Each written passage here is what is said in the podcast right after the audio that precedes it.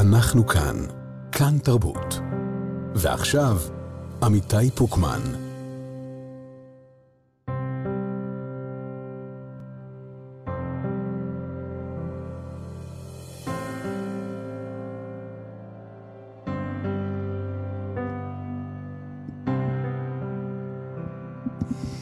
קצת אה, אחרי שלוש, חמש דקות לאחר השלוש, ואנחנו פותחים את השעתיים שלנו כאן, בכאן תרבות.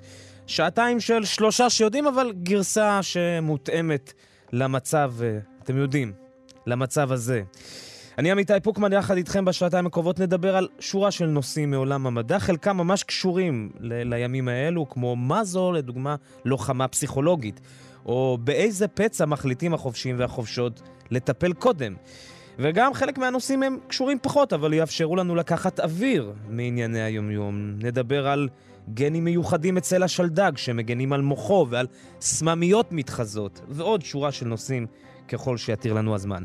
אלכס לויקר ערכה את התוכנית הזאת, אמר בנימין בהפקה, נת שרון בלאי סייעה בתחקיר, וגם תודה לשלום יצחק, שהוא על הביצוע הטכני.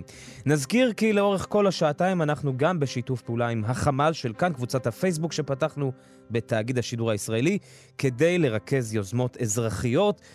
בשביל לסייע גם לחזית וגם לעורף. אנחנו איתכם עד השעה חמש, גם עם עין אחת לכאן חדשות. ככל שיהיו לנו עדכונים, אנחנו כמובן נביא אותם בשידור חי. יוצאים לדרך. אז הנה כמה דברים שמתפרסמים, כמה יוזמות שמתפרסמות אה, בחמ"ל של כאן, בקבוצת הפייסבוק. התקבל בוואטסאפ החמ"ל של כאן. אה, שלום, אנו זוג מבוגרים מהיישוב ניצן ליד אשקלון, ממפוני גוש קטיף. רוצים לילה אחד שקט ללא פיצוי וללא אזעקות. מחפשים חדר במלון ללילה של חמישי ה-26 באוקטובר, באזור חיפה, זיכרון חדרה. אה, משאיר פה גם טלפון, גדעון והדר בשן, 052-830-8006. ומה עוד ראינו פה שיכול להיות ממש מה, מהשעה האחרונה? הנה, מה, מה, מהשעות האחרונות. 70 מנות לחיילים ממסעדה כשרה בתל אביב ונהג שנמצא בדרך לאסוף את הארוחות. החיילים שארגנו עבורם לא זמינים לקבל את הארוחה. אה, החיילים שארגנו עבורם אינם זמינים באזור הדרום. אם מישהו יכול לקשר לפלוגה אחרת, אודה לכם מאוד. שלא ייזרק האוכל. דורית גרנות. אה, גם כן כאן, אני רואה שכבר הגיבו, אז אולי תעקבו, זה כל הזמן מתעדכן, חשוב מאוד. אנחנו רוצים עכשיו לגשת לנושאים ש, אה, אה, שאנחנו רוצים לדבר איתכם עליהם, ואמרנו חלק מהנושאים יהיו לא קשורים, אבל חלק גם מאוד קשורים. אחד המושגים שחוזרים על עצמם עוד ועוד ועוד זה הלוחמה הלוחמה הפסיכולוגית, רק ממש בימים האחרונים, בהקשר של החטופות. שדרני ושדרניות החדשות הזכירו לנו כמה שזה חלק מהלוחמה הפסיכולוגית של חמאס נגדנו. רוצים לצלול ולהבין את המושג הזה, לוחמה פסיכולוגית, נגיד שלום לדוקטור יניב לוויתן, מומחה ללוחמת מידע מאוניברסיטת חיפה, שלום לך. שלום אמיתי. מה הלוחמה הפסיכולוגית קשורה לתוך שדה הקרב? תעשה לנו קצת סדר, ועד כמה היא בכלל משמעותית בשדה הקרב היום. הלוחמה הפסיכולוגית היא חלק בלתי נפרד משדה הקרב, בוודאי כשמדובר על ארגון כמו חמאס, שמבחינת הכוח הפיזי שלו, אין לו כוח כמו צבא קונבנציונלי. לכן הוא משתמש בכלים כמו לוחמה פסיכולוגית כדי להעצים את עצמו, ובמידה רבה המלחמה שלנו כרגע מול חמאס, האלמנט הפסיכולוגי עומד לפני כל דבר אחר. כי המתקפה של השביעי באוקטובר, באוקטובר, מטרת העל שלה היא לפגוע במורל של הישראלים, להפחיד את הישראלים, לשבש את כושר קבלת ההחלטות של הישראלים, לפורר את החברה הישראלית. חמאס זה לא ארגון שמסוגל לצאת למלחמה ולהשמיד את ישראל. בלי לוחמה פסיכולוגית הוא לא יוכל להגשים אף אחת מהמטרות שלו. אז מאז ומעולם לוחמה פסיכולוגית הייתה משמעותית, בטח בעימותים כאלו של מדינות מול גופי טרור. מה זה מאז ומעולם? ממתי אנחנו ממש מזהים לוחמה פסיכולוגית בהיסטוריית המלחמות בעולם? מראשית ההיסטוריה. יש לנו לוחמה פסיכולוגית ביוון, אריסטו המציא מדע בשם רטוריקה, כדי ללמד אנשים איך לשכנע ואיך להשפיע. רומא זה שם נרדף לשימוש בכלים של לוחמה פסיכולוגית, ואני אתן לכם רק דוגמה. אה, הקיסר אוגוסטוס ממציא את הטכניקה הזו של פולחן אישיות. כדי להאדיר את עצמו הוא מסתובב עם נעלי פלטפורמה, הוא משתמש במטבעות כדי לספר את הסיפור שלו. הפורום ברומא, שערי ניצחון. לאחר מכן, כשאנחנו מגיעים לעת החדשה, החל מהרגע שמופיע הדפוס, לוחמה פסיכולוגית היא חלק בלתי נפרד מכל לוחמה, ואנחנו רואים גם היום שימוש בכרוזים, במוצרי דפוס, במוצרי תקשורת, כי זה אלמנט מאוד חשוב שמאפשר לך להגשים את המטרות שלך במינימום משאבים. Mm-hmm. זה, זה כלי מאוד זול עם אפקטיביות מרשימה כשמפעילים את הכלי הזה בצורה נכונה. אנחנו, בעצם אמרת שזה, שמשתמשים בתקשורת, אבל תקשורת ההמונים היא, היא מתחילה בדפוס, אה, בערך במאה ה-15. אה, אה, מה עשו לפני כן? הזכרת, כן, הזכרת נכון. לדוגמה את האימפריה הרומית. בתקופת התנ"ך גם השתמשו בלוחמה פסיכולוגית? כמובן, דוגמה קלאסית ללוחמה פסיכולוגית בתנ"ך, יש אירוע שנקרא נאום רב שקה.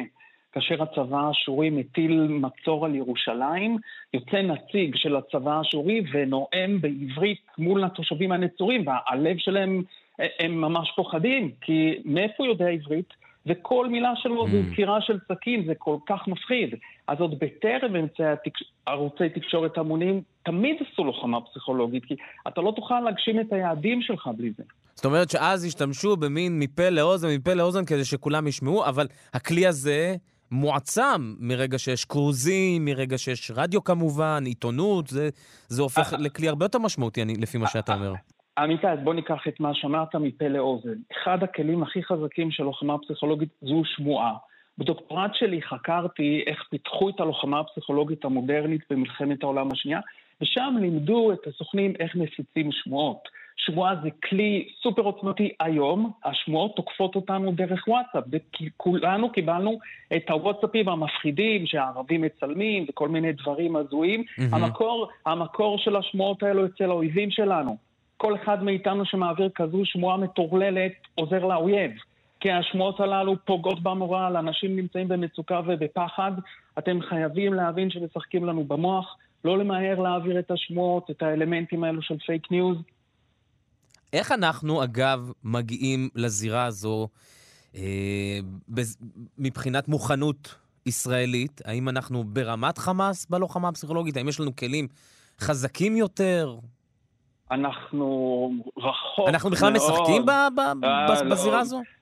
בוא, כשכל אחד ישאל את עצמו עד כמה משרד ההסברה רלוונטי, עד כמה אנחנו רואים אנש, אנשי מקצוע מומחים מתעסקים בתחום הזה, אז מלכתחילה היחס של המדינה הוא יחס אה, לא רציני, נאמר את זה כך.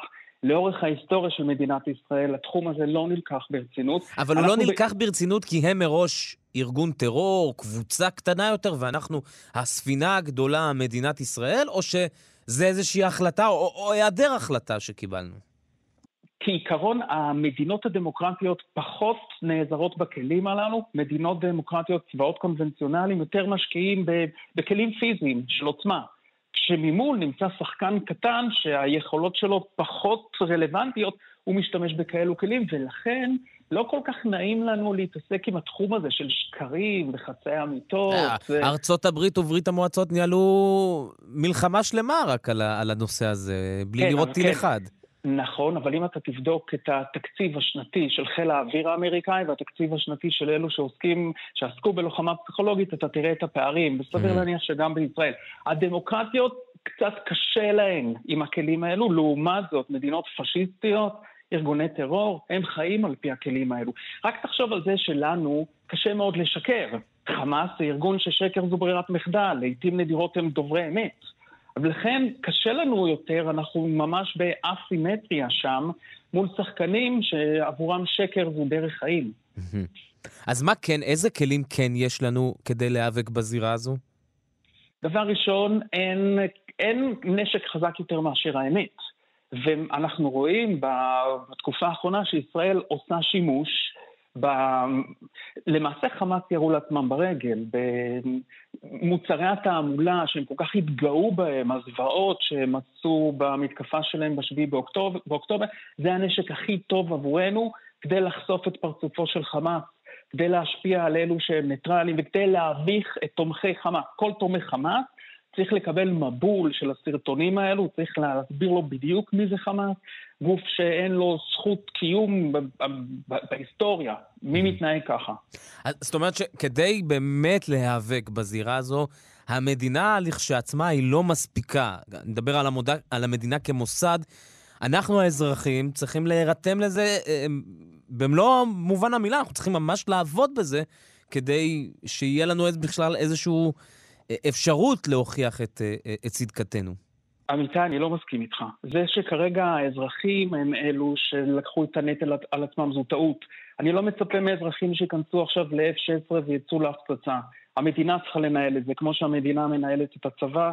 צריך להיות כאן גוף אחראי שינהל את נושא המידע, כמו למשל האירוע המביך אתמול, עם כמובן שהחטופה המשוחררת, כולנו מחבקים אותה, אבל האירוע הזה היה צריך להיות מנוהל. המדינה לא יכולה להפקיר אותנו בסביבה של המידע. אבל זה משהו שהוא הוא, הוא, הוא בעצם קורה לראשונה במלחמה הזאת, בהיבט היסטורי. זה כך קרה גם בעבר, ש, שאנחנו בעצם כשלנו כמדינה, ואז האזרחים יצאו ל, ל, להגן ולהילחם במלחמה הפסיכולוגית, או שכך מקובל? אנחנו כושלים באופן עקבי בכל המקום הזה שנקרא הסברה. רק שהפעם, מכיוון שמדובר באמת באירוע משמעותי, ומכיוון שאנחנו רואים הרבה מאוד מקומות שבהם המדינה לא נותנת פתרון, האזרחים לקחו את ההגה, עושים דברים מדהימים. זה לא אמור להיות ככה. האזרחים לא אמורים להיות לוחמים בשדה הקרב, והאזרחים לא אמורים להיות אלו שמנהלים את ההסברה. Mm-hmm. אבל בלית ברירה, ומכיוון שיש פה באמת אנשים מדהימים, ויש כאן התגייסות של קהילות של הייטק ואנשי פרסום, ובאמת מומחים בתחום, אז אנחנו רואים גם פעילות יפה. אבל קחו... כן. אני, אני רוצה אולי, אבל להיעזר דווקא ב, ב, בדוקטורט שככה הזכרת אותו פה, כן. של אה, אה, נושא השמועות. מי כן. היו מפ, מפיצי השמועות במלחמת העולם השנייה? המדינות כמוסד, או אזרחים שפשוט אה, ככה שמעו דברים והתחילו להפיץ, בין אם זה באירופה, בין אם זה בחלקים אחרים בעולם? זה בדיוק. השאלה שלך מצוינת, כי עד להופעה של האינטרנט, לאזרחים בכלל לא הייתה גישה. מי יכול בכלל להתערב במשחק הזה של תקשורת המונים? רק מהרגע שיש לנו גישה לוואטסאפ, לרשתות חברתיות, אז אזרחים יכולים לקחת חלק. מלחמת העולם השנייה זה רק גופי המודיעין עוסקים בנושאים האלו, כי הם היחידים שיש להם יכולות. עד למהפכה הדיגיטלית של סמארטפונים, אזרח הוא לא תחנת שידור. אבל היום, מכיוון שלכל אחד יש פוטנציאל, יש לנו משפיענים ובלוגרים שבלחיצת כפתור יכולים להגיע למאות אלפי ומיליוני אנשים, אז לכן היום אנחנו רואים את הכניסה של אנשים פרטיים לזירה הזו. בטרם המהפכה הדיגיטלית זה לא רלוונטי, זה רק mm-hmm. משחק של מדינות. עד כמה בתוך השחקנים האלה, היום, אם אנחנו מדברים על 2023, אם אתה יכול רק אולי אפילו למפות את הזירה הזאת של הלוחמה הפסיכולוגית, בין תקשורת ממוסדת, עיתונות, אה, עיתונות משודרת, רדיו או טלוויזיה, לבין באמת אה, אה, המו"ל העצמאי, מה שנקרא עמוד הפייסבוק, עמוד האינסטגרם, כל אחד וה, והממשק שלו לעולם. תראה... מה יותר חזק? לדוגמה, האם שקר שמתפרסם באינסטגרם חזק יותר משקר שהתפרסם בחדשות כאן, בחדשות 12, בחדשות 13? ב... אמיתי, זו שוב שאלה מצוינת, כי המטרה של אלו שמפיצים לוחמה פסיכולוגית או פייק ניוז, זה מתחיל מהאזורים של פה לאוזן, רשתות חברתיות, ועם כל הכבוד, ברשתות החברתיות זה זז מהר, אבל זה לא מהר כמו ערוצי התקשורת הגדולים. החלום של מפיצי השמועות זה שהשמועה תזוז ברשתות החברתיות, ובסופו של דבר תגיע לחדשות, ברדיו, בטלוויזיה, כי אז זה כבר מגיע לתפוצה הרבה יותר גדולה. ולכן אנחנו צריכים לנקוט בזהירות רבה באופן שבו אנחנו מפרקים את השמועות הללו, ולכן אנחנו צריכים לעצור את ההתפשטות של השמועות, עדיין שזה בשלב של הרשתות החברתיות, ולכן... כן, כי, כי לנו זה נראה... אני לפני יומיים, כאשר שוחררו שתי החטופות, היה רגע שכבר בוואטסאפים עברו השמות, ו- וכולם ידעו את זה, והיה אפילו שלב שבו אה, אני לא זוכר באיזה ערוץ, אחת המגישות אמרה, אנחנו יודעים שזה עובר ביניכם, אבל אנחנו מבקשים להפסיק להעביר את זה, ואנחנו לא לוקחים חלק בתוך זה, אלא עוצרים את זה. זאת אומרת, בסוף אנחנו הסתכלנו על הטלוויזיה והסתכלנו על איזושהי אה, טכנולוגיה ישנה, עם כל מיני אתיקה עיתונאית שאולי לא רלוונטית, בטח בתוך הזירה של הלוחמה הפסיכולוגית. אז שאף אחד לא יזלזל, לא בטלוויזיה ולא ברדיו, אלא ערוצים סופר משמעותיים שמגיעים לתפוצה מאוד גדולה, ומעבר לכך, זה כוחו של הדובר הסמכותי. כי ברשתות החברתיות אני מקבל את זה מכל מיני אנשים שלא ברור מהיכן זה הגיע. אבל כאשר איש תקשורת שאני מכיר, מגיש מהדורת חדשות, כאשר הוא חוזר על השמועה הזו, וכאשר הוא זה שמפיץ את הפייק ניוז, אז זה הרבה יותר עוצמתי. ואנחנו צריכים לחשוב על תמהיל ערוצים, גם פה לאוזן, גם רשתות חברתיות, וכמובן התקשורת הקלאסית, שהיא הכי חשובה, כי עדיין התפוצה שלה היא הכי רחבה. היא אמנם איטית יותר, אבל ההיקף הוא מאוד גדול. מבט קדימה, אולי לסיום, אתה חושב שננצח בזירה הזו אם אנחנו הולכים למלחמה שהיא ארוכת טווח? אני חושב שננצח, נקודה. במקביל, אני מקווה מאוד שבמדינת ישראל ייפול האסימון ואנחנו נראה סוף סוף משהו, התייחסות יותר רצינית, מקצועית, לנושא הזה של לוחמת מידע, כי הוא קריטי. ורק תיקחו בחשבון את המצב של הניטרלים מסביב לעולם. התפרסם אתמול סקר שאומנם הציבור המבוגר בארצות הברית תומך בנו, אבל את הצעירים בארצות הברית איבדנו. ואין שום סיבה שהדבר הזה יקרה. איך זה יכול להיות שהצעירים בארצות הברית תומכים בחמאס יותר מאשר בנו? כן, זה בכלל, כל המיקום שבחר לעצמו השמאל הפרוגרסיבי בעולם, זה נשגב מבינתי להבין את זה. כן. טוב, אנחנו נמשיך לעקוב ואולי נעזר בך ככל שיהיו עוד אירועים כחלק מהלוחמה הפסיכולוגית. דוקטור יניב לוויתן, מומחה ללוחמת מידע באוניברסיטת חיפה, תודה רבה לך. תודה, אמיתי. לרגל המצב הקמנו את החמ"ל של כאן, המקום שמרכז בעבורכם ובעבור יקיריכם את כל היוזמות האזרחיות לסיוע ללוחמים ולאזרחים. אירוח לתושבי הדרום והצפון, חלוקת מזון, חיפוש יקירים, או רק לפרוק את מה שעל לבכם. לפרסום ולאיתור יוזמות, הצטרפו עכשיו לקבוצת החמ"ל של כאן בפייסבוק, או מצאו אותנו באתר וביישומון כאן. אנחנו כאן. 30 דקות, 31 דקות בדיוק לאחר השעה שלוש, ואנחנו חוזרים לשעתיים של שלושה שיודעים שמותאמים למצב הזה. בדקות הקרובות ננסה להבין אה, משהו אחר, משהו מכיוון אחר, גם כן שקשור. אה, אי אפשר היה לא להתעצבן ממראות אה, שבעה באוקטובר, בנוסף לדברים שבאמת, שאי אפשר היה להישאר אדיש אליהם רגשית, אבל אחד הדברים המעצבנים היו אה, תמונות הביזה. ואולי הסממן הביזה הגדול ביותר היה מראות הטרקטורים של הקיבוצים, שרק לפ... יום לפני כן, או אולי אפילו באותו בוקר, סייעו בזריעה ובכל מיני פעולות של חקלאות ישראלית, וכבר בשעות הבוקר היותר מאוחרות אנחנו ראינו אותם אה, בסרטוני, אה, אה, ברשתות החברתיות בעזה. מסתבר שאותם טרקטורים שנגנבו הושבתו. איך עשו את זה? על כך נשוחח עם מיכאל לוי, סמנכ"ל ניו-מדיה של עמותת מדע גדול בקטנה. שלום לך, מיכאל. שלום, אמיתי. אמ, ובאמת, אה, כמו שאמרת, אה, מדובר אה, בעצם בטרקטורים של חברת ג'ון דיר.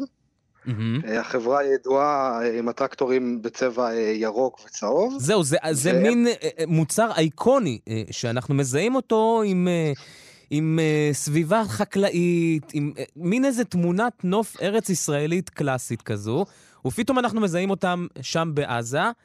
ומתעצבנים איך, איך הם משתמשים עם הכלים שלנו אחרי האירוע נכון. הזה עוד. נכון, אז, אה, אז בדיוק כמו שאמרת, מלבד uh, כל הדברים המזעזעים שהתבצעו באותה שבת, היו גם הרבה אירועים של uh, ביזה, והייתה איזושהי נקודת אור שחברת ג'ון uh, דיר הצליחה להשבית את הטרקטורים מרחוק, לזהות בעצם את הגניבה שלהם לעזה ולהשבית אותה מרחוק, ואז הטרקטור הופך לחתיכת ברזל, למעין פסל, כי הוא לא יכול לזוז לשום מקום. מיצג. אה, בדיוק. אה, ספר לנו איך, איך ג'ון דיר עושים את זה. אוקיי, okay, אז בעצם ג'ון דיר הטמיעו בתוך הטרקטורים איזושהי מערכת ייחודית שנקראת JD Link, כאילו ג'ון דיר לינק, והיתרון קודם כל הכי גדול של המערכת שהיא מובנית בתוך המערכות של הטרקטורים. כלומר, ברגע שגנבו את הטרקטורים, אז הם השביתו כל מיני מערכות אזעקה שהיו מחוברות, אבל את זה אי אפשר להשבית. זה, זה ממש חלק מה, מהטרקטור עצמו. Mm-hmm. והמערכת הזאת היא, היא בעצם מחוברת גם, ל, היא חלק מהמחשב מנוע אה, של הטרקטור, היא כוללת מערכת תיקון עולמית שאנחנו מכירים אותה בתור אה, GPS, וטכנולוגיה סלולרית שבעצם מאפשרת לשדר גם את הנתונים, את המיקום, נתונים לגבי המנוע והכל. עכשיו המערכת הזאת ביום יום משמשת, החקלאי יכול להסתכל ולדעת בדיוק איפה הטרקטור שלו נמצא. איך באותה הם... באותה נקודה, מה המצב, כן. איך הם ידעו שם, ג'ון דיר, בדיוק אילו כלים נגנבו? אז, אה, אז בעיקרון המערכת מאפשרת אה, לחקלאי, אה, או, או, או זה לא רק לחקלאות, בכלל למי שמשמש בטרקטורים במכונות של ג'ון דיר, להגדיר אזור. אתה מגדיר איזושהי גזרה, לדוגמה הבית שלך, השדה שאתה עובד, האתר בנייה, וברגע שיש יציאה מאותו אזור אז מופיעה התראה. Mm-hmm. זה, זה מבוסס בעצם על, על ה-GPS, ואז שמופיעה התראה... שאת האזור הזה מגדיר החקלאי, או שהוא לומד פשוט את שטח כן. החקלאות שבהם הוא פועל? לא, לא, החקלאי אה, עושה בעצם הגדרה, ולפי מה שהבנתי גם בג'ון דיר אפילו הם לא חיכו אה, שייצרו איתם קשר, הם, ברגע שהם הבינו את הממדים של האסון שקורה, הם עשו השבתה יזומה, אה, ופשוט השביתו מרחוק על כל הטרקטורים, עוד לפני שהם יצרו קשר עם הבעלים של הטרקטורים עכשיו, עצמם. עכשיו, טכנית, מהי פעולת ההשבתה? זאת אומרת, מה קורה בטרקטור, אני מבין שהוא הופך לפסל, אבל...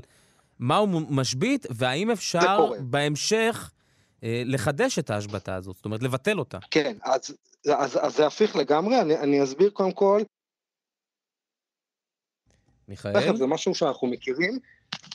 כן, כן, שומע אותי? כן, כן, עכשיו אנחנו שומעים, עכשיו שומעים. אוקיי, מעולה. אז החיבור למחשב הרכב זה משהו שגם אנחנו אה, אה, מכירים.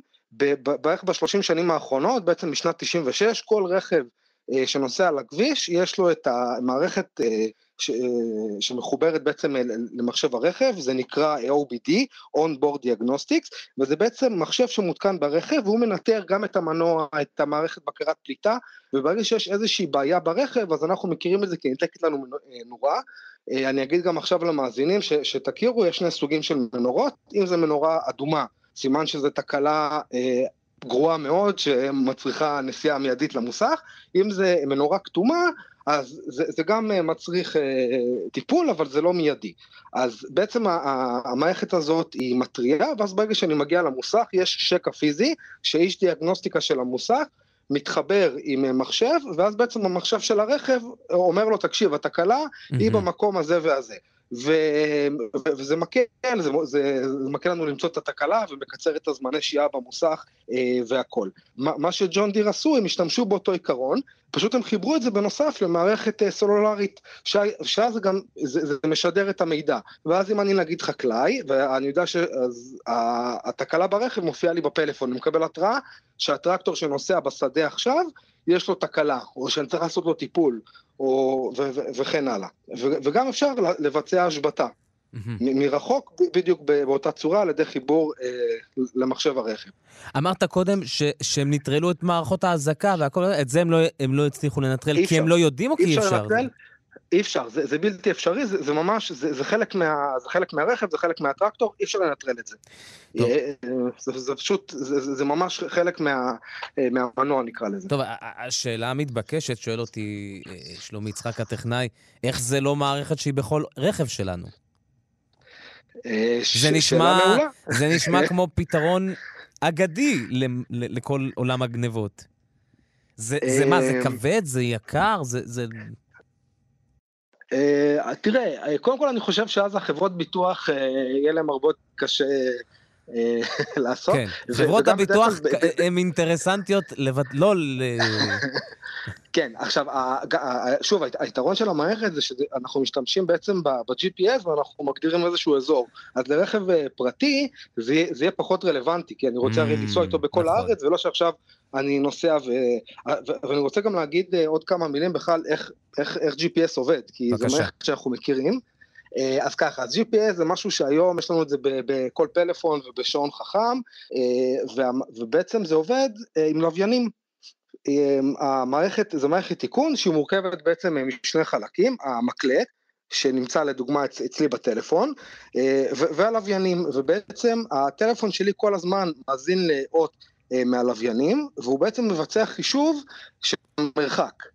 ש, ש, שזה, שזה משהו די מדהים, יש לנו לוויינים שנמצאים מעלינו אה, מאות קילומטרים בחלל, והם מצליחים להגיד לנו איפה אתה, אני עכשיו נמצא בפתח תקווה. איך לוויין שנמצא מאות קילומטרים מעליי יודע שאני עכשיו בפתח תקווה? אז, אז, אז, אז שיטה מאוד מאוד מעניינת, שמה שעושים, בעצם אני מחשב את המרחק ממני עד ללוויין, אבל ללוויין אחד זה לא מספיק. Mm-hmm. אני, אני אעשה איזושהי הגבלה, אני עכשיו נגיד יוצא לטיול עם הכלב שלי, והוא רץ סביבי. אז אני יודע מה המרחק שלו, המרחק שלו יהיה בדיוק באורך של הרצועה, אם זה נגיד רצועה של מטר, אני יודע שהוא במרחק של מטר, אבל אם הוא רץ סביבי, אני לא יודע בדיוק, ואני יוצא נגיד עיניים, אני לא יודע בדיוק איפה הוא נמצא. אני יודע את המרחק, אני לא יודע את המיקום. Mm-hmm. אז מה שאנחנו עושים אה, במקרה כזה, פשוט אנחנו מוסיפים עוד לוויינים. וברגע שאני מוסיף עוד שניים, עוד שלושה, עוד ארבעה לוויינים, אז אני, אני בעצם עושה אה, איחוד של כל הנתונים האלה, ואז אני יודע את המיקום המדויק, לא רק את המרחק, גם את המיקום. כמה, אה, כמה לוויינים ו... פרוסים כן. כרגע בכל רגע נתון בעולם מחוץ לכדור הארץ? אז, אז, אז, אז יש לנו אה, אלפי לוויינים, וואו. בשביל השיטה הזאת אנחנו צריכים, אנחנו צריכים ארבעה לוויינים, אוקיי? אמ, אה, ואני מזמין, יש לנו פוסט ש, ש, שמדבר בדיוק על זה, וגם עם השרטוטים של הלוויינים, ואז הרבה יותר קל להבין, זה בעצם גם מיכאל, נעלמת לנו שוב, אני מקווה שעכשיו תכף תשמע ותשפר. נעלמת לנו, מיכאל, אם תוכל לחזור כן. על המשפט. כן, כן. אז, אז אמרתי, אמ, אפשר לדמיין ש, שאנחנו נמצאים על כדור הארץ, והלוויין מסתכל עלינו, והוא יודע את המרחק, אז הוא מצייר מעגל. אוקיי? Mm-hmm. בגלל המרחק. ואם אני מוסיף עוד לוויין, אז נוסף עוד מעגל, וברגע שיש לי אה, שלושה לוויינים, אז נקודת מפגש של המעגלים האלה נותנים לי את המיקום. מי מממן okay. את, אוקיי. כל, את כל התענוג הזה? של הלוויינים? כן, כי בסוף הרי אני נוסע בווייז, בגוגל מפס, באפל, לא משנה באיזו אפליקציה, או, או אפילו אה, ג'ון דיר שמשתמשים, אני מבין, באותו GPS. מי, מי מממן את כל הלוויינים האלו? האמת שזו שאלה מעולה, mm. אני, ושאני לא יודע את התשובה עליה.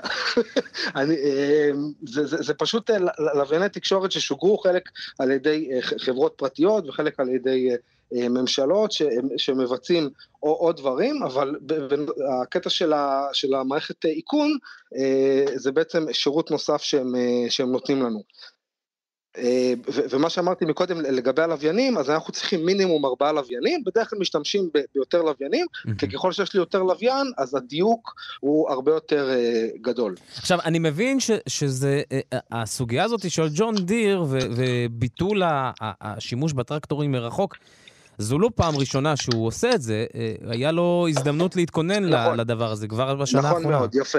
אז בדיוק, אז בשנה הקודמת היה אותו סיפור עם אוקראינה, חיילים רוסים גנבו לצ'צ'ניה כלים אוקראינים, 27 טרקטורים, וגם אז פשוט קיבלו את הטרקטורים מרחוק, ופשוט הפכו אותם לפסולת ברזל שעולה 5 מיליון דולר. אז זאת אומרת שג'ון כן. דיר, יש להם איזה, כנראה איזשהו חמ"ל שכבר אה, אה, אה, מוכן לכל תרחיש כזה, ב... לא עלינו, במקומות נוספים. לא עלינו, כן. כן. ואני חייב לציין גם שיש מקרים גם שהמערכת הזאת עוררה ביקורת אה, על החברה, כי, כי הם יכולים לאסוף את הנתונים, יש להם אפשרות לנצל אותם, למכור את זה אולי לחברות אחרות, אז, אז לא הכל ורוד, אבל אנחנו עכשיו מתמקדים בצד הטוב, כן. במעשים הטובים נכון. שהם עשו. זה, זה מעניין ומרתק, ו, ואיזשהו אפילו שירות אה, אה, שלא חשבתי שהוא, אני קראתי את, ה, את הידיעה על כך ו, ונדהמתי מזה, מהאפשרות, אבל לא רק מהאפשרות, אלא גם מהשירות, זאת אומרת, מהערות. בלי בירוקרטיה, בלי נכון. כלום, בלי זה, קודם כל משביתים, אחר כך נדבר. כל הכבוד נכון להם. מאוד. ואגב, אה, המערכות האלה הן מאוד מזכירות אה, אה, מערכות שאנחנו קוראים להן אינטרנט של הדברים, IoT, שגם שם זה בעצם מערכות שעם כל מיני חיישנים ומדדים עושים מעקב ונותנים לנו לעשות בעצם אופטימיזציה לכל מיני תהליכים, שגם על זה יש לנו כתבה באתר שלנו, אז אני מזמין את המאזינים להיכנס ולהמשיך לקרוא. מיכאל לוי, סמנכ"ל ניו-מדיה של עמותת מדע גדול בקטנה. תודה רבה לך. תודה, אמיתי. כותרת uh, מכאן חדשות מהשעה האחרונה, מלכת ירדן, אין הוכחות למה שקרה בשבעה באוקטובר. נו, לא צריכים להיות uh, עם הרבה שכל בשביל להיות מלכות. לרגל המצב הקמנו את החמ"ל של כאן, המקום שמרכז בעבורכם ובעבור יקיריכם את כל היוזמות האזרחיות לסיוע ללוחמים ולאזרחים. אירוח לתושבי הדרום והצפון, חלוקת מזון, חיפוש יקירים, או רק לפרוק את מה שעל לבכם. לפרסום ולאיתור יוזמות, הצטרפו עכשיו לקבוצת החמ"ל של כאן בפייסבוק, או מצאו אותנו באתר וביישומון כאן. אנחנו כאן. הנה אה, אה, יוזמות ש... או בקשות. יש חקלאים ש... האם יש חקלאים שצריכים מתנדבים גם בצפון, שואלים בקבוצה, ואם יש חקלאים והם שומעים אותנו, אז כתבו. אה, לא מעט בקשות כאלה שאנחנו שומעים. זה בחמ"ל של כאן, מוזמנים ומוזמנות לדף פייסבוק. עכשיו אנחנו רוצים לעסוק בנושא לא קשור. הדבר היחיד שקשור זה בין מה שנדבר עליו בדקות הקרובות לבין המצב, זה שם היחידה, שלדג, וזהו. כי עכשיו אנחנו מדברים בעצם על החיה השלדג. אה, מסתבר שחוקרים מצאו את הגנים שמגנים על מוחו של השלדג בצלילה האנכית, אותה צלילה מיוחדת שהשלדג מבצע כדי להיכנס למים. מסתבר שזו צלילה מסוכנת, אבל יש גנים ששומרים על הראש שלו. נשוחח על כך עם דוקטור רועי דור, מהמחלקה למדעי הטבע באוניברסיטה הפתוחה. שלום לך. שלום, שלום. אז מה כל כך מיוחד בשלד... בצלילה הזאת של השלדג, ש... ו... ולמה הוא היה צריך לפתח את אותם גנים? קח אותנו לתוך העולם הזה.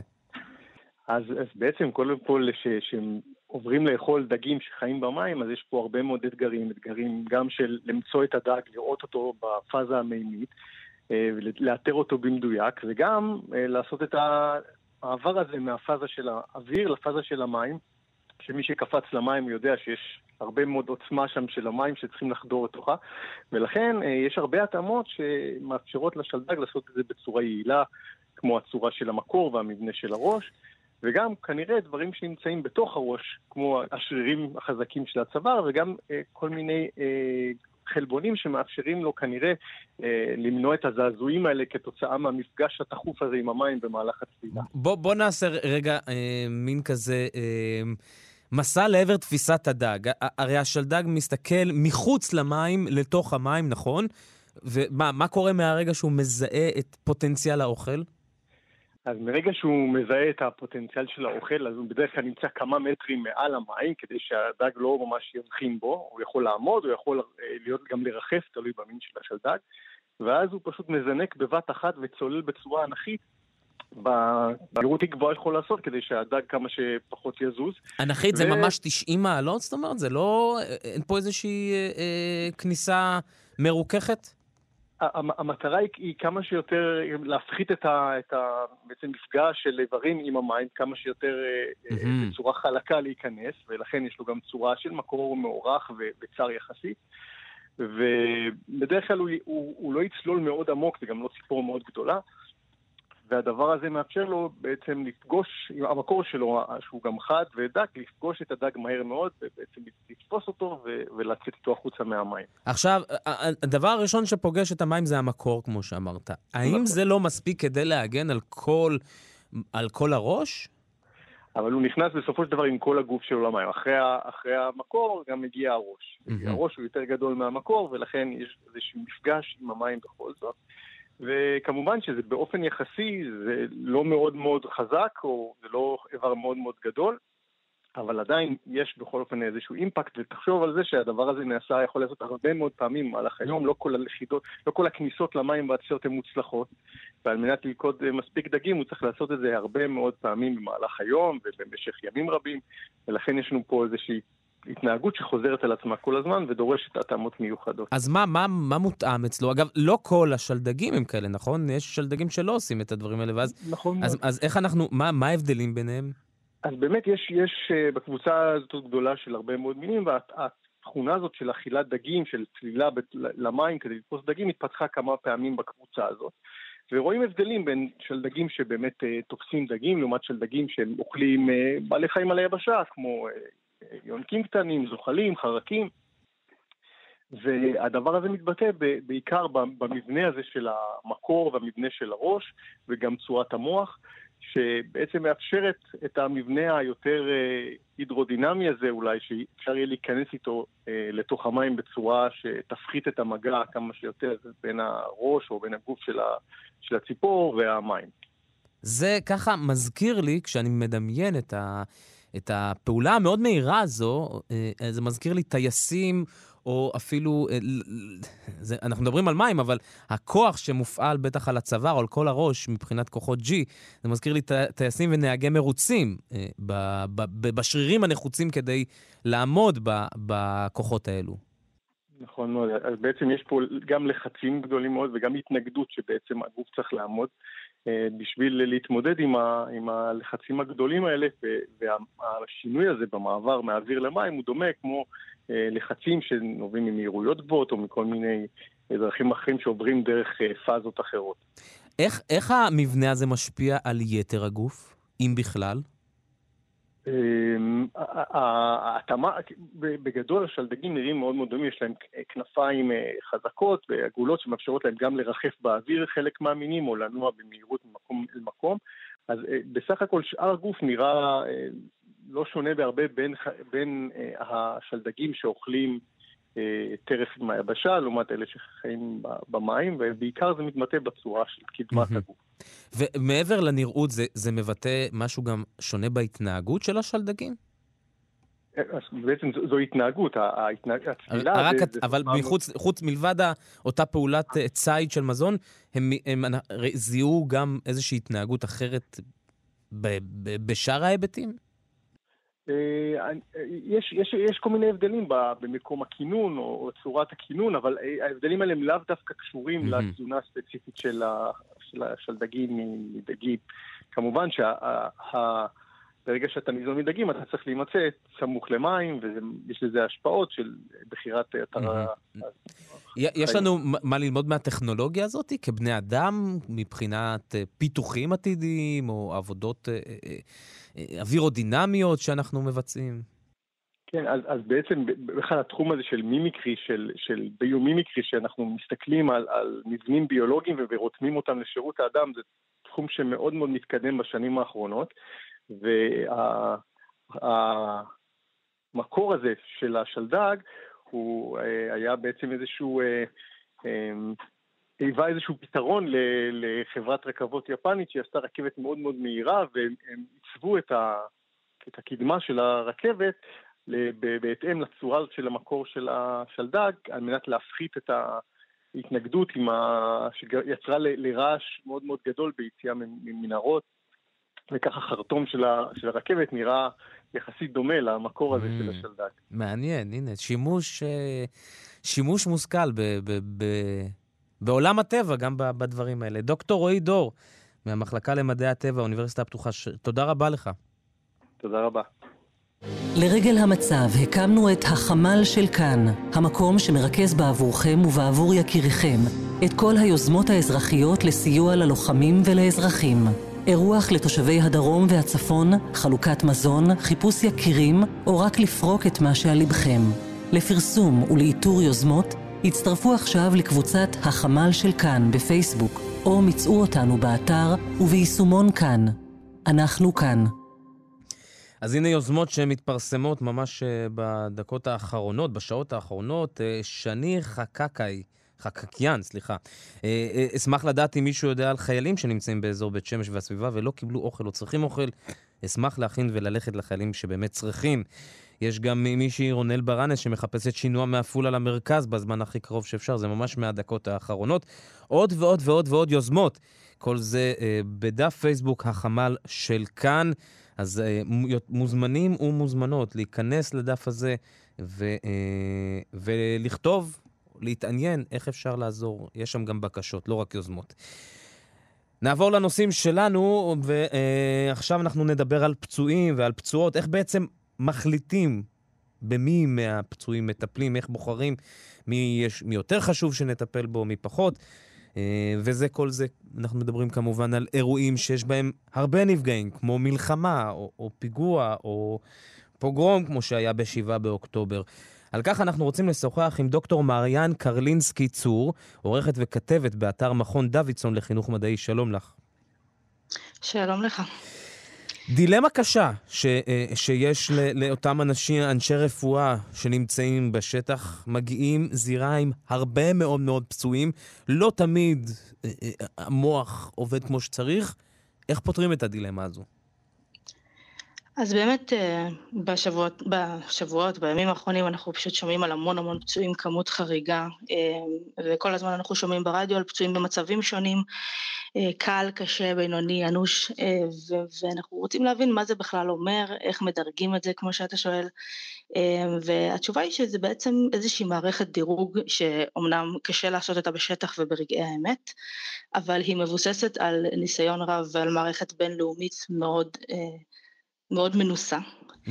שיש לה שורשים היסטוריים אה, מאוד ותיקים שתכף אני אגע בהם, אבל אה, בראש ובראשונה חשוב לי להבהיר שבאמת מדובר בשיטה שלא נועדה, כמו שציינת, היא לא נועדה לתת אה, מענה תקשורתי, אלא מענה רפואי, מי צריך, לט... במי צריך לטפל קודם, את מי מפנים קודם ובאיזה מהירות ולאן מפנים אותם.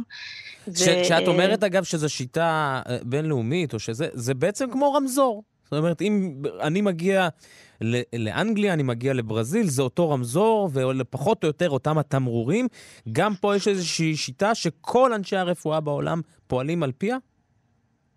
כן, כן, והרעיון הזה אפילו מבוסס באמת בדיוק כמו רמזור על, על בסיס אה, שלוש דירוגים כבר מימי המצרים מהפרעונים, יש אה, עדויות על פפירוסים מ-1700 לפני הספירה, שצריך בדיוק לבחור אה, בין לטפל בפצוע, במי שאין צורך לטפל בו ובמי ש... אין טעם לטפל בו בעצם שהמצב אנוש מדי. Mm-hmm. והמטרה, מה שחשוב לי להדגיש באמת זה שהמצב קל, אה, לא משמעות, אין, המשמעות של זה היא לא שעכשיו אה, המצב הוא קל או פשוט, המצב קל והמשמעות של זה היא ש... שהסיכוי של הבן אדם לחיות הוא מאוד גבוה. זה יכול להיות מלווה בשברים בצלעות, ברגליים, בידיים, אה, בכוויות, אבל עדיין המצא, הסיכוי להינצל הוא גבוה, ולכן אולי אפשר לטפל במישהו אחר קודם לכן. זהו, זאת אומרת שאם אם, אם, אם ארגוני רפואה מעבירים מידע שמתפרסם לנו בתקשורת, על, לדוגמה על פצועים במצב קל, זה לא בהכרח אומר שהם לא סובלים, זה פשוט סיכוי ההישרדות שלהם בחיים, לפי מה שאת אומרת. בדיוק, כן, אוקיי. אז uh, באמת יש לנו כתבים היסטוריים מאוד עתיקים, אחר כך היו הרבה שנים שבהם כל הטכניקה הזאת של למיין את הפצועים די נעלמה בימי הביניים, והיא חזרה בצורתה שתהפוך להיות מודרנית אחרי כמה שנים uh, באמצעות החיילים של נפוליאון, אה, הברון דומיניק ז'אן לארה, הוא היה אה, מנתח בכיר מאוד בצבא נפוליאון, והוא שם לב שפשוט אין, אין שום ארגון והיגיון בדרך שבה ניגשים לטפל בפצועים בשטח, הם נתפסו בידי הצבא כ... אנשים שמאטים את הכוחות והם פונו מתי שהייתה הזדמנות ראשונה, פשוט הם חיכו בשטח לאיסוף ומי שהיה מזל, למי שהיה מזל הגיע. אוי, לבתי זה, החולים, או לקבל טיפול. שיטה מאוד לא הומנית. זה לא הגיוני בכלל. ממש ככה, והוא, והוא סבל את סבלם, והוא בעצם המציא איזשהו עיקרון שאומר חייבים למיין את הפצועים. אגב, החדר מיון מבוסס על אותו עיקרון שנקרא בצרפתית טריאז', והוא אומר, אוקיי, הדבר הראשון שצריך לעשות זה לבחור במי מטפלים קודם, במי מטפלים אחר כך, וגם פיתח את הרעיון הכללי של אמבולנס שצריך לאסוף מיד את הפצועים כי הזמן משחק תפקיד מאוד חשוב. Mm-hmm. וזה קרה במאה ה-18, אחר כך עברו כמה שנים ובארצות הברית בשנות ה-50 מכוניות הופכות להיות מאוד פופולריות ואיתם גם התאונות. אה, התרבו ובתי החולים היו צריכים להתמודד עם יותר ויותר אנשים שהגיעו במצב טראומה כזה או אחר אה, ובעצם דווקא האגודה לקידום רפואת הרכב בשנות החמישים הוקמה וכמה שנים מאוחר יותר פיתחה את הסולם הראשון שמשמש אותנו עד היום שנקרא מדרג הפציעה המקוצר. זה בעצם איזשהו סולם שמדרג את הפציעה מ-1 עד 6 כאשר 1 זה מצב קל מישהו שהסיכוי שלו לשרוד הוא מאוד גבוה, ושש זה מצב שכמעט אין טעם לטפל בו וכל שניתן הוא אה, לעזור לבן אדם לעבור את רגעיו האחרונים, בעצם זה מעבר למצב אנוש. וזה היה הבסיס הראשוני ביותר והמטרה של המדרג הזה היה באמת לבחור במי מטפלים ואיך, אבל הוא התייחס רק לפציעה אחת, כלומר הפציעה החמורה ביותר. ולקח קצת זמן עד שהבינו ש... אם לא לוקחים בחשבון עוד פציעות ומשקללים אותם בצורה חכמה יותר, אה, קשה קצת להעריך במי כדאי לטפל באמת קודם, כי זה לא שהגיעו שני אנשים עם פציעה זהה. רגע, רגע, אני, אני רוצה להבין, כן. אה, אה, להתעכב שנייה על, הפרט מידע הזה שנתת, שהוא עשה את זה על פי הפציעה אחת. זאת אומרת, יכול להיות שאני פצוע בכמה איברים בגופי, אבל השקלול יהיה רק על פי פציעה אחת מתוכם? איך בוחרים איזה פציעה? זה הכלי הראשוני, זהו, זה הכלי הראשוני ביותר, אחר כך הם פיתחו את זה לקחת בחשבון שלוש פציעות באזורים שונים בגוף. אה, לוקחים תמיד את החמורה ביותר, אגב, וגם המערכת המתוחכמת יותר שפיתחו אחר כך, גם בה יש אה, כל מיני חישובים שצריך אה, להעלות בחזקה את הדירוג של הפציעה, כדי באמת להבחין בין מישהו שיש לו הרבה פציעות פשוטות יחסית או קלות שלא מסכנות חיים לבין מישהו שיש לו פציעה אחת קצת יותר חמורה. mm-hmm. וזה באמת אה, אחד, ה, זה נקרא מדרג חומרת הפציעות ו, ובאמצעות זה אפשר בעצם לדרג מ-1 עד 75 את שלושת הפציעות החמורות ביותר. והשיטה הזאת מחלקת את, את הגוף לאזורים שונים פגיעות ראש הן שונות מפגיעות בחלל הבטן ומבית החזה ואני אישית אה, לא מגיעה מעולם הרפואה הדחופה או מעולם הרפואה, אבל אה, לקחתי דוגמה אחת כדי לעזור למאזינים ככה לקבל איזשהו מושג על כל אחד מנקודות הדירוג האלה. בבקשה. אז אם, אם מסתכלים למשל על חומרת פציעה באזור בית החזה, אנחנו נגיד נדרג מישהו שיש לו שבר בצלע אחת כפצוע קל, וכמו שאתה יכול לדמיין זה לא פציעה שהיא קלה לשאת ושהיא יכולה להשפיע עוד תקופה מאוד ארוכה על הפצוע, mm-hmm. אבל, אה, אבל הוא לא במצב מסכן חיים. וזה נכון גם לגבי מישהו עם כמה צלעות שבורות או, או כמה שברים באותו הצלע שיקבל ניקוד של שתיים, כלומר פצוע בינוני. אה, אם למשל השבר הוא פתוח אז זה דרגה שלוש, שוב פעם מדובר במצב קשה אבל הפציעה יכול להיות שאינה מסכנת עדיין חיים, ובמקרה הרבה יותר קיצוני למשל, משהו שנקרא חזה מרפרף, הצלעות נותקו מבית החזה ויצאו ממקומן, זה כבר מצב שאם אתה לא מטפל בו באופן מיידי, אתה יכול לפגוע באיברים נוספים, יש סכנה לדום נשימה, וזה באמת אה, אדם שמקבל ניקוד של חמש, כלומר פצוע אנוש שיש לטפל בו באופן מיידי. אה, כמה שיותר מהר. עד כמה אנשי הרפואה בשטח ממש יודעים אה, להגיע ל, ל, ל, לשיטת הרמזור הזאת, או לשיטה, שיטת הניקוד הזו, ולא פועלים באינסטינקטים. זאת אומרת, האם בסוף, אולי גם תגידי לי הפוך, השיטה הזאת היא מגיעה מעצם מהדברים האינסטינקטיביים. אז אה, קשה לי לומר בדיוק אה, איך הם פועלים, גם כי לא התנסיתי בזה, אבל, אבל אגב, הצוותים הרפואיים עושים עבודה מטורפת ומדהימה, וככל שאדם יותר מנוסה הוא יודע להעריך יותר מהר בעצם נגיד חזה מרפרף, אוקיי? זה משהו שיש לו כל מיני דרכים לזהות אותו, האם החזה יורד כשהאדם נושם, אתה יודע, אם הוא נושם או לא. אמ, זה, זה דברים ש, שככל שאתה צובר ניסיון, אה, יותר קל לקבל איזושהי הערכה, כמובן mm-hmm. שההערכה היא כל הזמן מתעדכנת. Mm-hmm. עכשיו, אני, אני רוצה לשאול אותך, אמרת, בואי רגע נדבר שנייה, אם, אם אפשר אולי, על, על פציעות אה, שאולי לא מסכנות חיים, אבל אה, יש דברים שהם יכולים לפגוע באיכות חיים, זה, הם לא יקבלו תעדוף. זאת אומרת, בסוף השיטה הזאת מטרתה רק להציל חיים, בכלל לא חושבים על איכות החיים אחר כך? אמ, אז אני חושבת שכמובן הדבר הכי חשוב הוא להציל חיים במקרה הזה, כלומר לא להשקיע במישהו ש... ש... לא בסכנת חיים. שלא ישרוד. כן. או מישהו שהוא לא בסכנת חיים, זה במידה, זה מאוד תלוי בכמות האנשים שצריך לטפל בהם בו זמנית, אתה יודע, יש לנו עכשיו כמה אלפי פצועים, והרבה מהם הגיעו בו זמנית באותו יום, באותו... באותו זמן לבתי החולים, ואז במקרה כזה, כמובן שאם אפשר להציל חיים אז יהיה לזה תעדוף כנראה על פני מישהו שאם הוא לא יטפל במיידי אז יהיה לו איזושהי נכות, אבל כמובן שמישהו שיכול לפתח נכות ארוכת טווח, הוא יקבל מענה לפני מישהו ש, שהמצב שלו כרגע לא מסכן איזשהו איבר באופן כרוני.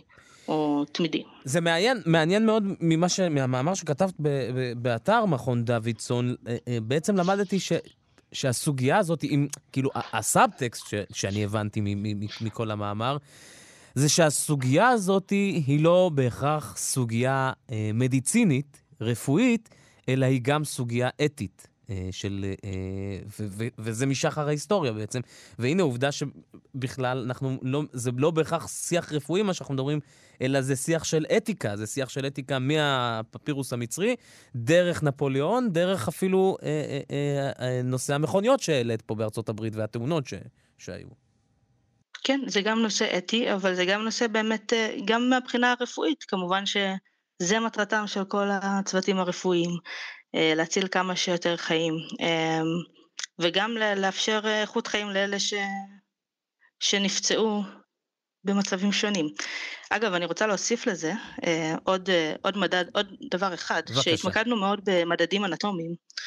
אה, הזנחנו קצת את המדדים הפיזיולוגיים, בעצם הנושא הזה של דירוג הפציעה על בסיס אזור בגוף שנפגע, זה נקרא מדד אנטומי שמסתכל על נגיד היד, על הבטן, על הראש, ומנסה להעריך כמה הוא נפגע, וכיום אנחנו יודעים שמדדים הרבה יותר מדויקים לוקחים בחשבון גם את ה... את המדד האנטומי, אבל גם מדדים פיזיולוגיים כמו לחץ הדם, מצב ההכרה של הפצוע, mm. קצב הנשימה ונושאים כאלה. אז, אז באמת אה, היה לי חשוב לציין שהיכולות שלנו כל הזמן מתעדכנות, לא, ויכולת הטכ... הערכה שלה... גם ככל שהטכנולוגיה כן. מתקדמת, אז גם היכולת שלנו להעריך את הדברים כנראה מתקדמת. דוקטור מעיין קרלינסקי צור, אה, עורכת כתבת אה, באתר מכון דוידסון לחינוך מדעי, תודה רבה לך על השיחה הזו. תודה לך. 26 דקות לאחר השעה 4, ממש לפני זמן קצר, ב... ב... בעוד אנחנו שומעים את uh, גרסתה uh, של טל גורדון לשירם של uh, רוקפור, אנחנו גם שומעים אזעקות uh, באזור קריית שמונה. Uh, בינתיים uh, זה נראה שכבר, uh, זה נפל בשטח פתוח, כך לפי תמונות מכאן 11, מכאן, מכאן חדשות. ככל שיהיו כמובן אה, מידע, חדשות, עדכונים, אנחנו נביא לכם.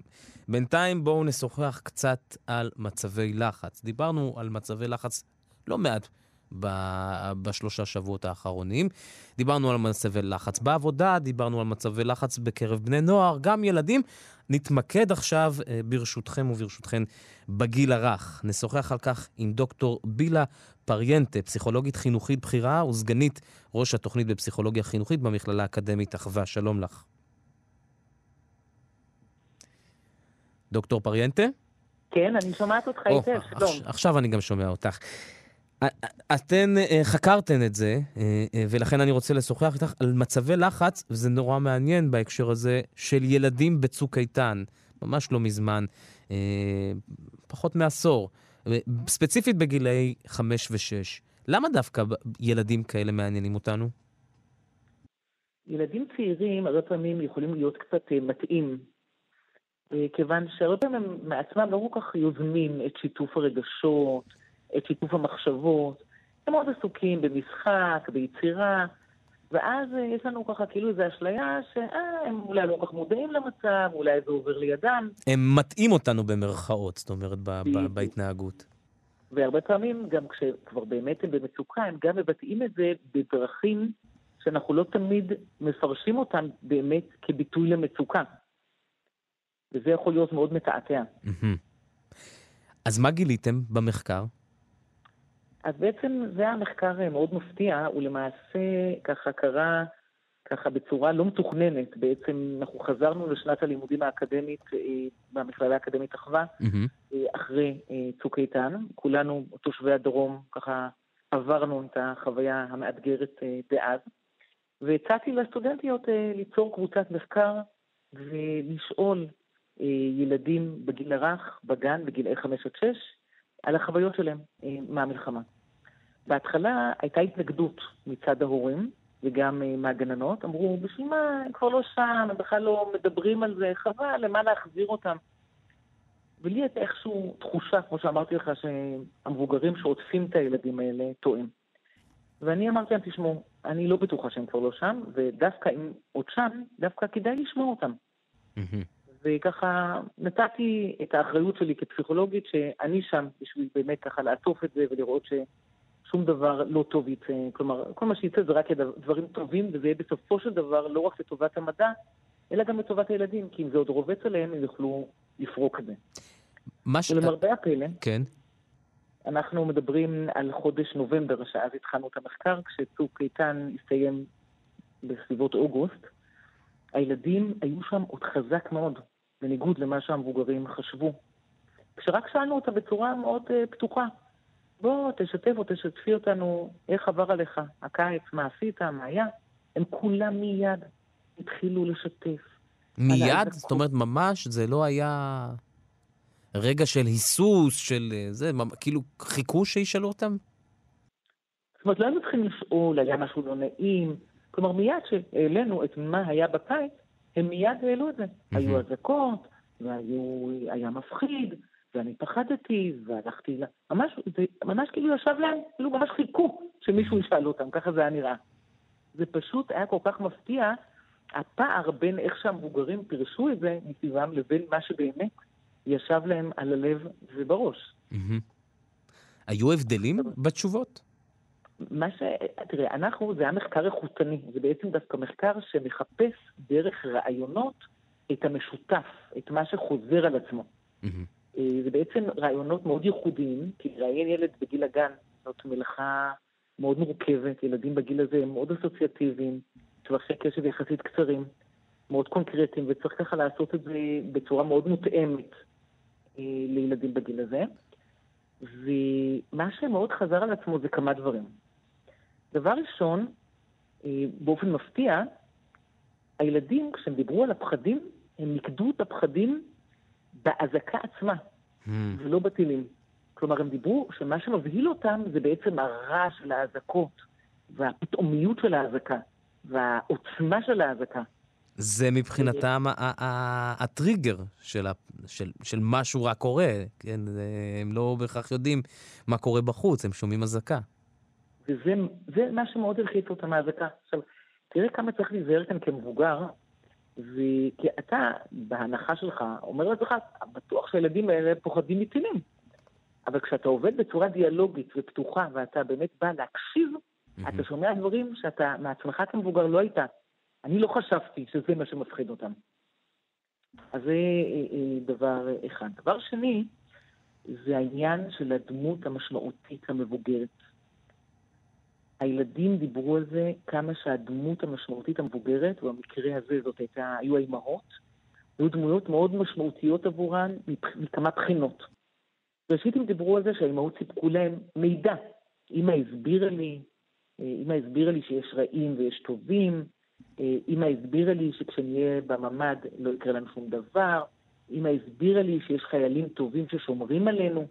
היה הרבה את העניין הזה של אינפורמציה שהמבוגר האחראי נותן, זה דבר אחד. דבר שני, אנחנו כינינו את זה האם כצוק איתן. הם דיברו על זה שהאימא גם הייתה דמות מגוננת. אימא שמרה עליי, אימא הייתה איתי, אימא ישבה לידי, אימא ליטפה אותי. המבוגר כדמות מסבירה ומגוננת. Mm-hmm. ודבר נוסף אה, מעניין שהיה, זה המשמעות שהילד חיפש באיזשהו תפקיד, ש... תפקיד שתורם בעצם. הילדים האלה בסך הכל בני חמש-שש, והם סיפרו על עצמם שהם היו אלה שדאגו לאחים הצעירים מהם. Hmm. אני אמרתי לאח שלי, בוא מהר לממ"ד. אני אמרתי לאח שלי, תרד מהנדנדה, אין עכשיו זמן.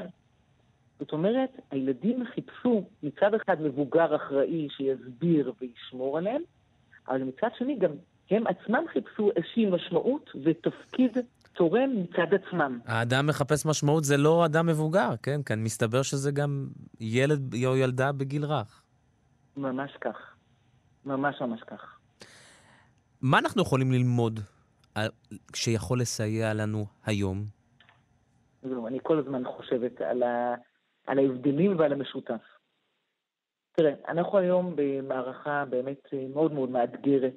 אני כל הזמן חושבת על הורים, כמה זה מאתגר להרגיש שככה הקרקע נשמטת מתחת לרגלינו, ואיך אני יכול לשדר ביטחון כשאני בעצם בעצמי לא משוכנע בביטחון הזה. זה מאוד מאתגר כהורה. Mm-hmm. אז אני רוצה דווקא שוב, בקשר של המחקר הזה, אה, להגיד כמה דברים שאני יכולה להציע להורים.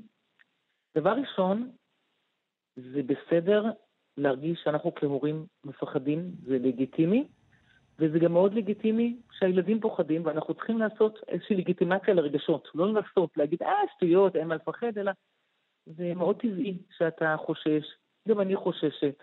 כלומר, לתת לזה איזשהו נרמול ולגיטימציה, זה כבר משהו מרגיע.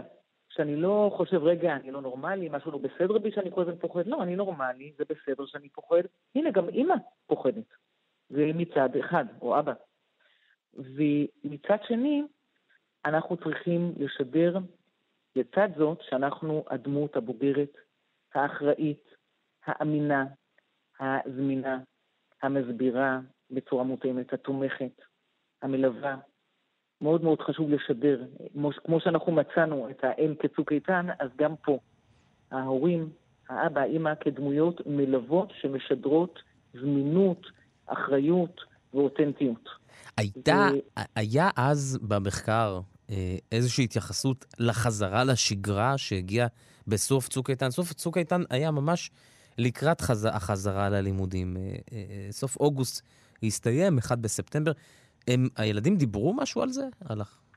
הם דיברו קצת על השאריות, זאת אומרת, הם סיפרו שהם עדיין, חלקם דיברו על זה שעדיין קשה להם לישון בלילה, וחלקם גם דיברו על זה, שדרך אגב זה סימן מאוד אופייני אחרי מצבי כאלה של לחץ, שכל רעש קטן מבהיל אותם. Mm, וזה כמה חודשים אחרי אפילו. וזה בנובמבר כשאותו מבצע הסתיים בסביבות אוגוסט, כן.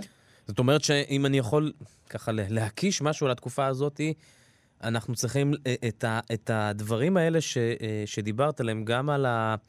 אה, להיות סבלני ולהבין ממה הם מפחדים באמת, באמת. וגם המבוגר הזה שהוא צוק איתן, האמא, האבא, האח הגדול, יכול, כל אחד יכול להיות המבוגר הזה, וגם המשמעות עצמם של זה, כל זה אנחנו צריכים לשים לב לזה לא רק עכשיו, אלא חודשים קדימה, גם כשה, כשהעסק יסתיים. נכון, ועוד נקודה אחת מאוד חשובה דווקא בהקשר הזה, זה אפרופו המשמעות שדיברת עליה שמצאנו, זה שמאוד חשוב לתווך גם עכשיו את המשמעות האזרחית שיש לכולנו, גדולים וקטנים, בחוסן הלאומי, וחוסן הלאומי זאת לא מילה שמתאימה לילדים קטנים, אבל בעשיית הטוב. להראות mm-hmm. לילדים כמה אנשים עושים עכשיו טוב אחד לשני, ולחשוב ביחד עם הילדים איך אנחנו, בחלקת האלוהים הקטנה שלנו, גם יכולים לייצר טוב, וזה אפרופו ליצור אצלם משמעות, שגם להם יש משמעות וגם להם יש איזשהו תפקיד כילדים במסגרת הזאת. אה, דיברנו על, על משמעות בתוך הבית, אה, אה, בין אם זה על ידי ההורה, בין אם זה על ידי אחים, או אפילו ברמת הקהילה, כמו שאמרת, על המשמעות של הטוב. אבל אני רוצה לשאול אותך רגע על, על, על צפייה, לדוגמה, צפייה בחדשות. זה משהו שאנחנו, שילדים בגיל הזה צריכים לקבל עכשיו? הם צריכים, כי הרי החדשות לפעמים, יש בתים שהחדשות זה, זה בעצם כמעט כמו, נוכחים כמו בן בית, והם פתוחים במשך 24/7 אה, כמעט. אז זה מאוד מאוד לא מומלץ. אני מאוד ממליצה שהחדשות יהיו דבר שבאמת יהיה עבור ההורים, או ילדים מאוד גדולים. אבל ילדים בגיל הגן, אין להם צורך לצפות במהדורות החדשות, זה לא ייתן להם כלום. זאת אומרת, כל התיווך צריך להיות דרך בני הבית, לא דרך חדשה. נכון, האינפורמציה צריכה להיות אינפורמציה, שוב אמרתי, אותנטית, אבל מותאמת. מותאמת אה, ליכולות התפיסתיות והרגשיות של ילד בגיל הגן. והחדשות לא מותאמות לזה. אבל צפייה בטלוויזיה... צפייה בטלוויזיה, לדוגמה, אנחנו בכאן חינוכית, אה, אה, אה, הרבה תכנים לילדים, הנגשה, או בכלל, סדרות עכשיו, זה זמן שצריך לשים לב יותר למה צופים אה, בגיל הזה. הרי כבר, בגיל הזה כבר לא מעט, כבר יש תכנים שהם אולי חצי אלימים, חצי זה. אה, אה, צריך לשים לב ביתר שאת בתקופה כזו? אני חושבת שהצפייה בטלוויזיה, כדאי להפוך אותה בכל מקרה, בכל מצב, וגם במצב עכשיו למוגבלת. לא להפוך את המצב כאילו לאיזה, כמו, אתה יודע, פח זבל כזה, שאוכלים זבל, צופים כן. בזבל. אני חושבת שאנחנו צריכים לשמור על האיכותיות של מה שאנחנו אה, צורכים, או מה שהילדים שלנו צורכים, בצורה מושכלת, דווקא בתקופה הזאת שיש יותר מתח, יותר לחץ, דווקא הייתי בתקופה כזאת זהירה יותר, ובאמת בודקת שהכל מותאם ומיטיב ומצמיח. יש, יש, יש עלינו הרבה עבודה. אנחנו לא רק צריכים להיות חזקים בשביל עצמנו, אנחנו גם צריכים להיות חזקים בשביל אה, אה, מי שמסתכלים עלינו מלמטה. בדיוק, וזה זה אתגר, זה ממש אתגר, אה, ובאמת ליבי עם כל הורה. זה פשוט אתגר לא רק לשאת עם עצמך את המצב, אלא כל הזמן לחשוב על ילדיך, אבל איך להפוך את התקופה הזאת לכמה שפחות שורטת עבורם. זה אתגר. ונראה לי, אני, אני ככה אוסיף, בלי מחקר, אבל ככה באינסטינקט, תבקשו עזרה ותעזרו. זאת אומרת, אה, גם ממבוגרים אחרים שיעזרו לכם להתרענן, כדי שתוכלו באמת להיות הצוק איתן האלה, אה, להמשיך להיות צוק איתן בשביל הילדים. זה חשוב. לגמרי, לגמרי. אני חושבת שההיעזרות היא ממש קריטית בתקופה הזאת. הרבה מאוד אנשי מקצוע, כולל אצלנו גם בקמפוס, מתנדבים ומייעצים באמת בהתנדבות, דווקא בגלל שהתקופה הזאת כל כך אינטנסיבית ומאתגרת. דוקטור בילה פריינטה, אה, פסיכולוגית חינוכית בכירה וסגנית ראש התוכנית בפסיכולוגיה חינוכית. רק ב... להוסיף קרדיט, המחקר נערך בשיתוף עם דוקטור מיכל גטניו קלוש. חשוב, חשוב. תודה רבה לך. תודה לך. החמ"ל של כאן אה, בפייסבוק, אה, תכף נעלה, אה, נעלה אה, יוזמות חדשות ובקשות שמגיעות אה, מהחמ"ל. נעדכן אתכם רק אה, אה, מהכותרת שיוצאת מכאן חדשות, שחרור החטופים, שעות של הכרעה וארבעה שיגורים זוהו מגבול לבנון ונפלו בשטחים פתוחים. צה"ל תוקף בתגובה. הנה אה, דנה וילונסקי, אני מקווה שאני אומר את השם נכון, שהיא כותבת בקבוצת פייסבוק החמ"ל של כאן, מחפשים מתנדבים שחזקים ברשתות חברתיות, שרוצים לקחת חלק בהסברה, בואו נודה באמת, אנחנו כבר כולם עושים את זה. היום אה, מתקיים, מתקיים אה, אה, וויב מינר, אני לא יודע מה זה אומר, קהילה לחברי הקבוצה. וובינר, וובינר, אלכס אומרת לי. אה, וובינר, תכף תסבירי לי גם מה זה אומר. אה, ו... סוג של זום בפייסבוק. אוקיי, הנה, למדתי. שלושה שיודעים. יש פה לפחות אחת שיודעת, אז... אה, אה, והסבירה לנו. אז אה, היום יתקיים וובינר קהילתי לחברי הקבוצה בהרשמה מראש, איך למקד את הפעילות ברשתות ועוד. מחכים לכם קישור לקבוצת חמ"ל הסברה, זה נמצא בחמ"ל של כאן. בואו נעשה רגע אסקפיסטי. לא נדבר עכשיו על בני אדם, נדבר על סממיות. לא נדבר על סממיות, לא נדבר על ישראל אפילו, נדבר אולי על מקום אחר. נגיד שלום לפרופסור שי מאירי. שלום. ממוזיאון הטבע על שם שטיינהארט, אוניברסיטת תל אביב. אה, אנחנו מדברים איתך על סממיות היום. אה, סממיות, אפשר להגיד סממיות מתחזות? כן, אפשר. תסביר. הן מתחזות לעלים או לגזעים. אה, אלה ספרניות ממדגסקר. לעלים או לגזעים? כן, שרוצות mm. שלא יראו אותם. והן מאוד טובות בזה שלא יראו אותם. מה הגודל שלהן שהן יכולות להתחזר לגזע? אה, לא, הן לא מתחזות לכל הגזע, הן לא... מתלבשות כזה על חלק ממנו כזה? חושבות להן על הגזע, mm. או על אה, ענף, ואתה מסתכל עליהם גם בשעות היום כשאתה ער והן פחות. אה, ואתה לא רואה אותן, אתה לא, אתה לא מבחין בזה שהן שונות מהצמחייה שהן יושבות עליה. זו ההסוואה שלהן. איך גילו אותן פתאום?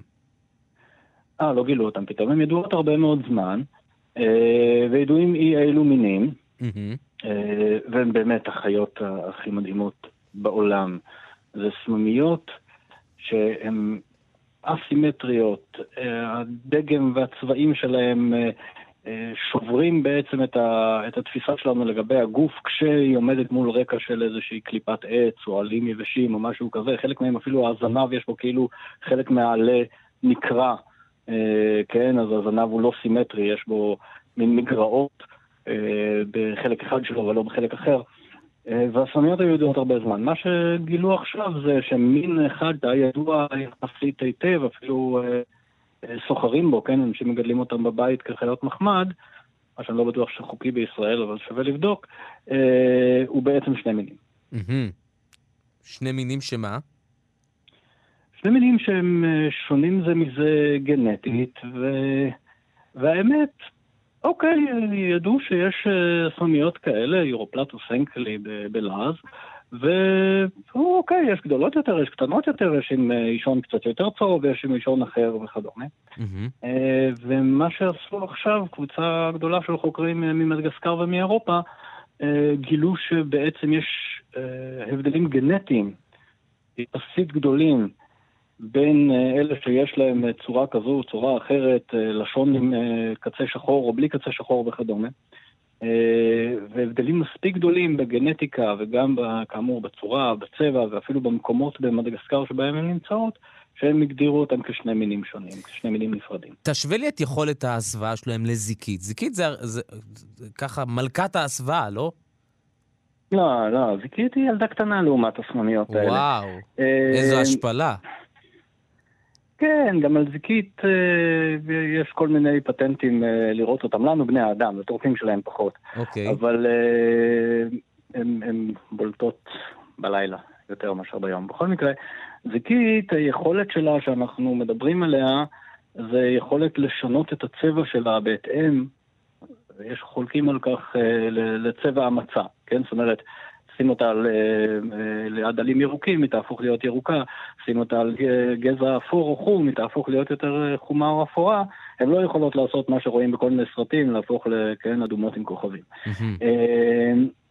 הסממיות האלה לא משנות את, ה, את הצבע שלהן, את, אבל הן מוסוות כל כך טוב, שאני לא יודע, אנשים הולכים ביער בחשיכה, כן, אה, אה, הן מוסוות כל כך טוב... ומצליחים לראות אותן בכלל. הן מוסוות כל כך טוב באופן טבעי? זאת אומרת, זה הצבע כן. הטבעי של הגוף שלהן? הן כן, לא משנות. את הצבע. נכון, תראה, עכשיו בכלל יש הרבה מאוד בעלי חיים שזה הפטנט שלהם, כן? גם בארץ. למשל, חרדון מדבר זה חרדון שרוצה שתחשוב שהוא אבן. Mm-hmm. ואתה הולך לך ב, במדבר, הוא נמצא ברוב המדבריות, כן, רוב שטחי המדבר בישראל, וגם האסטרטגיה שלו כשאתה מתקרב אליו זה לא לברוח ממך, אלא להצטופף ככה לתוך עצמו ולהגיד אני אבן, אני אבן. אבל חלש, בחרדונית, שלא ישמעו. אה, והרבה פעמים זה עובד. הסנוניות האלה פשוט מביאות את זה ל, לרמה אחרת. אה, ובהתאם הן חיות מדהימות. תן לי איזה מילה, הזכרת קודם את המבנה האסימטרי, הן נראות כמו איזה חיה אולטרה גמישה, עם איזה כוחות על לפי התמונה ש, שככה מראים. כאילו, הגוף שלהם לא מוגבל בכלל מבחינת האפשרויות שיש לו להתגמש. לא, הוא מוגבל. לא, אני, לא, אני לא מקצין כמובן, אבל יש לה, יש לה לוק מאוד מאוד גמיש. אני, אני לא יודע שהן גמישות הרבה יותר מ... אה, מסממיות אחרות. אחרות. Mm. אה, הזנב שלהם בדרך כלל שטוח, הזנב זה החלק שנראה יותר לפעמים כמו הלב, והגוף נראה יותר כמו חלק מגזע או משהו כזה. אה, הן יכולות להיות תמוניות די גדולות, אה, אפילו קרוב ל-20 סנטימטר או משהו כזה. יותר גדולות למשל מה, מהגדולות בסממיות ישראל, לפחות חלק מהסממיות בסוג הזה, לא, לא כולם, לא המין הזה ש, שגילו לאחרונה. Mm-hmm. יש להם עיניים מאוד מאוד גדולות, אבל זה יש להרבה סמיות. אה, אבל בעיקר... שגם העיניים בצבע... העיניים כן. די אה, אה, בצבע של שאר הגוף.